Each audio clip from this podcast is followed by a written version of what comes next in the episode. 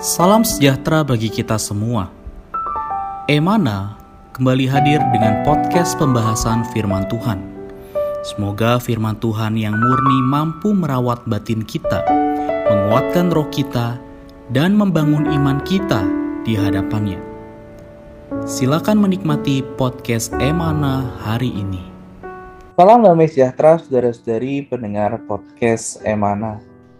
Puji syukur kepada Tuhan, pada hari ini kita dapat kembali lagi menikmati porsi ayat bacaan firman Tuhan. Bersama dengan saya Saudara Richard dan juga Saudara Heri. Halo Saudara Heri. Halo Saudara Richard. Puji Tuhan. Hari ini kita akan menikmati porsi ayat bacaan di dalam Markus pasal 7 ayat 31 sampai dengan pasal 8 ayat 26. Secara khusus berikut ini membicarakan mengenai sebuah topik yaitu menyembuhkan ketulian dan kebisuan. Topik ini didasari dari sebuah ayat di dalam Markus pasal 7 ayat 34 sampai 35. Kemudian sambil mengadah ke langit, Yesus menarik nafas dan berkata kepadanya, Evata, artinya terbukalah.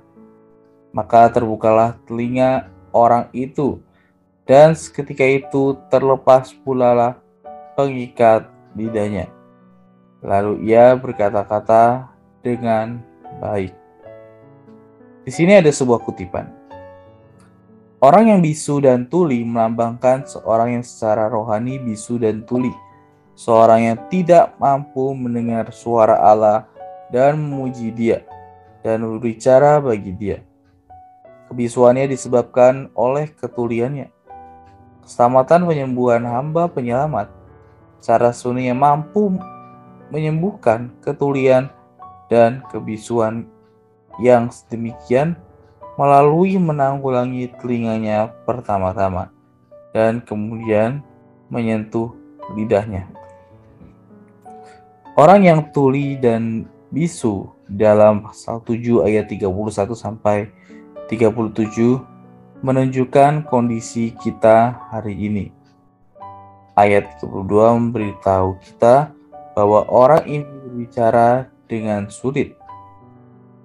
Bukankah ini kondisi anda bahwa ketika berada dalam sidang-sidang gereja, Anda kesulitan untuk berbicara. Ketulian sering merupakan penyebab dari kebisuan. Orang yang tuli biasanya juga bisu. Alasan dari kali ini karena pembicara adalah berdasarkan pendengaran. Seorang anak belajar untuk berbicara mengenai apa yang dia dengar Melalui hal ini kita melihat bahwa seorang anak belajar berbicara melalui mendengar. Tidakkah Anda tahu mengapa kita kesulitan berbicara di dalam sidang-sidang? Kita kesulitan berbicara karena kita ceroboh di dalam mendengarkan pembicaraan Tuhan. Jika kita lebih teliti dalam pendengaran kita, kita akan berbicara dengan spontan kita perlu mempraktekkan pendengarkan pembicaraan Tuhan. Ketika kita mendengarkan firman, firman itu akan mempengaruhi diri kita. Kemudian kita akan mampu berbicara dengan lancar. Tetapi banyak yang tidak dapat bicara tanpa kesulitan karena mereka tidak mendengar secara tepat. Jika kita mendengarkan firman Tuhan dengan penuh perhatian, pendengaran ini akan menjadi pembicaraan kita. Bagaimana tanggapan saudara Heri terhadap kutipan ini? Amin. Terima kasih saudara Richard. Ya, puji Tuhan. Untuk renungan hari ini juga saya pribadi diberkati, diingatkan kembali dalam aspek pendengaran itu sangat-sangat penting di dalam kemajuan rohani. Atau di dalam dunia medis juga seseorang anak jika dia bisa berbicara itu juga tergantung dari pendengarannya. Artinya organ mendengar ya atau organ pendengaran itu sangat penting ya. E, karena itu ya bagaimana kita khususnya dalam hal fungsi membicarakan firman Tuhan, menyuplaikan kebenaran kepada orang lain ini sangat bergantung pada pendengaran kita.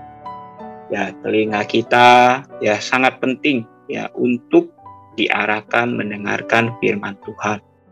Ya. Ya, ini sekali lagi ya membawa saya perlu ada satu doa mohon Tuhan terus menguduskan pendengaran saya karena itu tidak heran bahwa kita perlu mempunyai telinga seorang murid ya yang mendengarkan perkataan Tuhan yang tidak membiarkan perkataan Tuhan itu ya berlalu atau lewat begitu saja. Telinga kita perlu minta Tuhan kuduskan. Karena ini membawa kita juga bisa berfungsi apa tidak di dalam kehidupan gereja khususnya ketika kita bersidang. Ya telinga kita itu kan ada dua ya Tuhan berikan. Artinya memang Tuhan mau kita mendengarkan lebih banyak. Ya mendengarkan tentu adalah firman-Nya. Semakin banyak firman kita dengar dia akan masuk ke dalam kita menjadi susunan kita. Maka secara otomatis ya dia akan bisa tersalurkan keluar dengan tepat ya melalui mulut kita karena itu kisah bagaimana seseorang ya yang tuli dan juga bisu ini disembuhkan oleh Tuhan ini adalah satu perlambangan ya kerohanian ya yang apa perlu kita perhatikan pada kehidupan kita. Semoga Tuhan terus membuka pendengaran kita ya untuk mendengarkan firman-Nya. Puji Tuhan. Tuhan ya saudara-saudari hari ini kita sama-sama melihat bahwa sangat penting bagi kita untuk bisa memperhatikan pendengaran kita terhadap uh, firman Tuhan sehingga dengan demikian kita dapat berbicara bagi Tuhan kita dapat memuji Tuhan ya karena itu ya kita perlu senantiasa mendengarkan firman Tuhan dengan penuh perhatian sehingga pendengaran ini juga dapat menjadi pembicaraan kita. Baik, sebagai penutup kesimpulan, Saudara Heri dapat memimpin kita di dalam doa. Eh, Tuhan Yesus, terima kasih padamu untuk renungan hari ini Tuhan. Atas firman-Mu mengingatkan kami bahwa kami perlu memperhatikan pendengaran kami. Oh, sehingga kami juga boleh terus dikuduskan oleh firman, firman boleh masuk menyusun di dalam kami sehingga kami juga bisa menjadi orang yang tepat di dalam membicarakan firman. Tuhan, kami persembahkan waktu-waktu kami, telinga kami, oh diarahkan untuk mendengarkan firman-Mu. Terima kasih padamu, kami cinta padamu, kami cinta firman-Mu. Amin. Puji Tuhan. Amin. Terima kasih Saudara atas sharingnya hari ini. Tuhan Yesus memberkati. Ya, terima kasih Saudara Richard. Tuhan Yesus memberkati juga. Amin. Amin. Sekian pembahasan firman porsi hari ini. Sampai jumpa di podcast berikutnya. Jangan lupa untuk download aplikasi Emana pada handphone Anda untuk manfaat yang lebih banyak. Tuhan Yesus memberkati.